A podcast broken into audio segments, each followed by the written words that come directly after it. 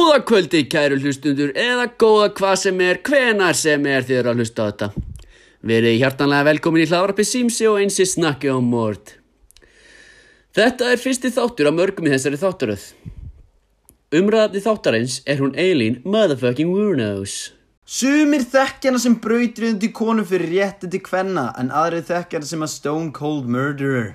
Það er auðvitað að skipta skoðunir á þessu máli eins og öllu öðru en í þessum þætti ætlum við einsi að vera búnir að mynda okkur skoðun á málinu og bera sama kenningar Sykes og Matza við afbrotaneið hennar.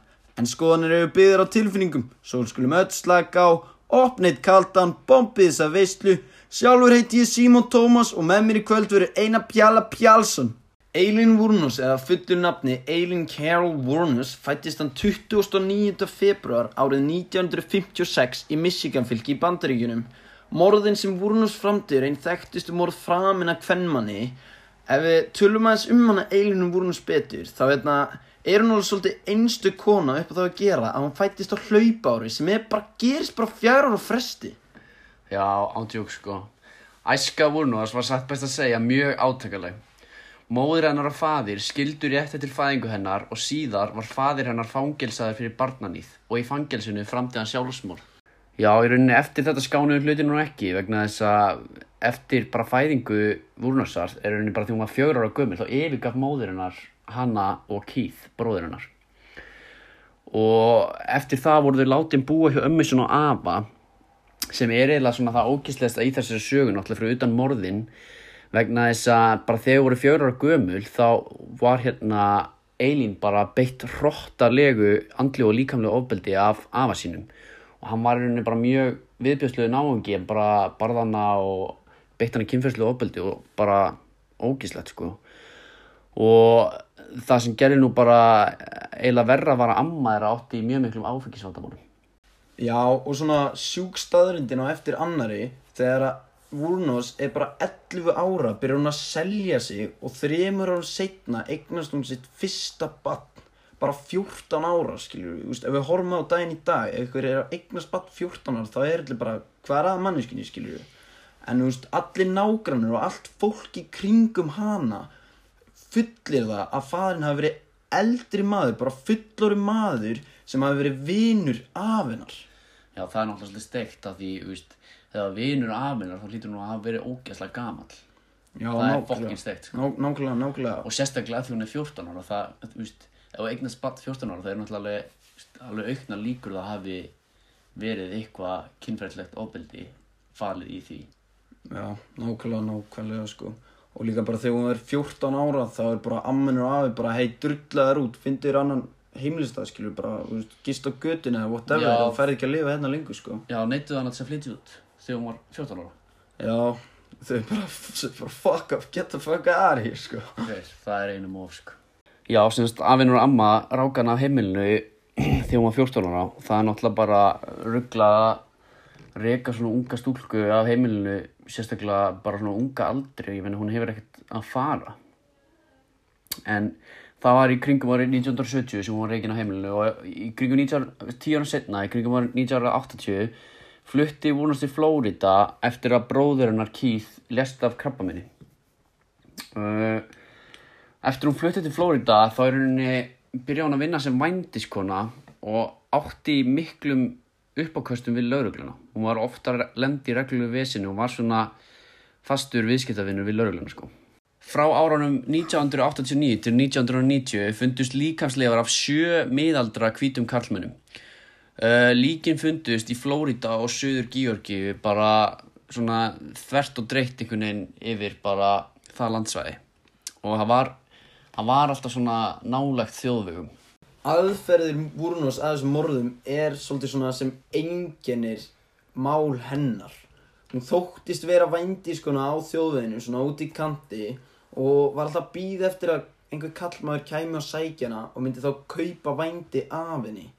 Og, og þegar það kom einhver og sótt hana þá rændi hún mannin hún drap mannin og hún tók bílinn hans. Og veist, hún var ekkert að fucking grína sko.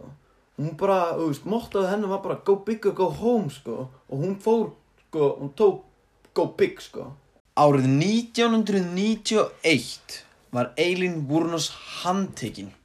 Hún neitaði allri sög á öllum morðunum sem hún átti að hafa framið og því fram að hún hafi verið að beita sjálfsvörð þar sem að mennirnir höfðu verið að nöðginni. Eftir að þetta varð ofinbert myndaðist rosalegu stuðningur á baku Vúrnós. Stuðningmennirnir líti svo að hún væri bara sterk kona að standa upp fyrir sjálfum sér og væri bara rosalega mikil hetja fyrir kvennabaróttuna, sérstaklega í bandaríkjunum. Árið 1992 var Vúrnás ákær fyrir eitt morð og dæmdi döða. Það var henni bara árið setna eftir hún var handtingin. Setna eftir á játaði hún hafa myrt þrjá aðra karlmenn og hún hafi verið að drepa vegna gróða en ekki sjálfsvarnar. Þannig að það er henni, það er rauninni svona afsannar þetta sjálfsvarna dæmi og, og, veist, og fylkingin á baku hana brotnar svona hægt og rólega niður þar sem hún er bara að játa það að vera að gera þetta til þess að græða á mönnunum ekki sem sjálfsvörn og sem sterk kona þótt að var ákveðlega sterk kona skilju já, það var nákvæmlega sem ég segja, það, það er henni bara útilokar það að hún hafi verið að verja sig, hún var bara að gera þetta vegna gróða og þá er henni er ekkert hægt að styðjast að baka þá kenningu að, að hún hafi verið að nota það sem sjálfsvörn sko. Það er okkar niðurst að tengja megi afbrotanhegð Eilinar Vúrnásar við félagsnámskenningar Sykes og Matza. Kenningarna leggja áherslur á að flestir afbrotamenn þekki og virða viðurkend gildi og viðmið samfélagsins en læra að afnenda þeim þegar svo ber undir. Afbrotamenn eru því korki frálsir nýja þvingar til að aðtapna heldur geti auðvitað færst á milli löglegra og ólöglegra leiða eftir aðstæðum. Til þess að tengja afbrot Vúrnosar við félagsnámkenningar Sykes og Masta eh, má til að nefna að hún afneitar ábyrð morðana með því að halda fram að hún hef aðeins verið að beita sjálfsvörn. Það er rauninni bara afsökunin hennar fyrir morðanum og hún sé afneita fórnarlampinu og það sérst bara í rótum kenningar hennar. Einnig má sjá hún afneitar fórnarlampunum vegna þess að þeir geti sjálfu sér kent fyrir hvernig fór fyrir að hafa nöðgæðinni. Og það er rauninni bara, þetta lýsir kenningunni sjúklega vel að því hún afneitar fórnarlampinu bæði með því að segja, skilju, ég var að beita sjálfsverðin, þetta er honum að kenna, ég þurfti að drepa hann og að þetta er rauninni bara þeim að kenna líka því þeir voru á nöðgæðinni. Já, einmitt, einmitt, sko.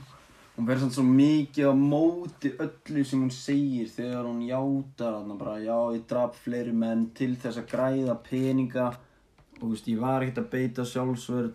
Svo þetta er ógslag, grilla málið höfuð og svona, þú veist, er alveg svolítið áhugavert því að Eilin Vúrnars er alveg svolítið áhugaverð manneskja, þú veist, allt sem hún gekk í gegnum, þú veist, myndi ég segja mótaði hana sem glæpamenn skilur Já, ég er alveg sammála. já, og þú veist bara að hún skuli hafa skilur átt þess að erfiða æsku varð afbrótamaður varð skilur þetta svona lýsir ákveðni svona þú veist, ég myndi segja já, já, Og svo má líka skoða, veist, hún gildi kannski aðeins minna við, en þú sérð alveg líka kenningu Hirsits falla undir afbróta neyð Vúrnarsar vegna þess að það er oft talað um uh, geðtengsl og svona æsku.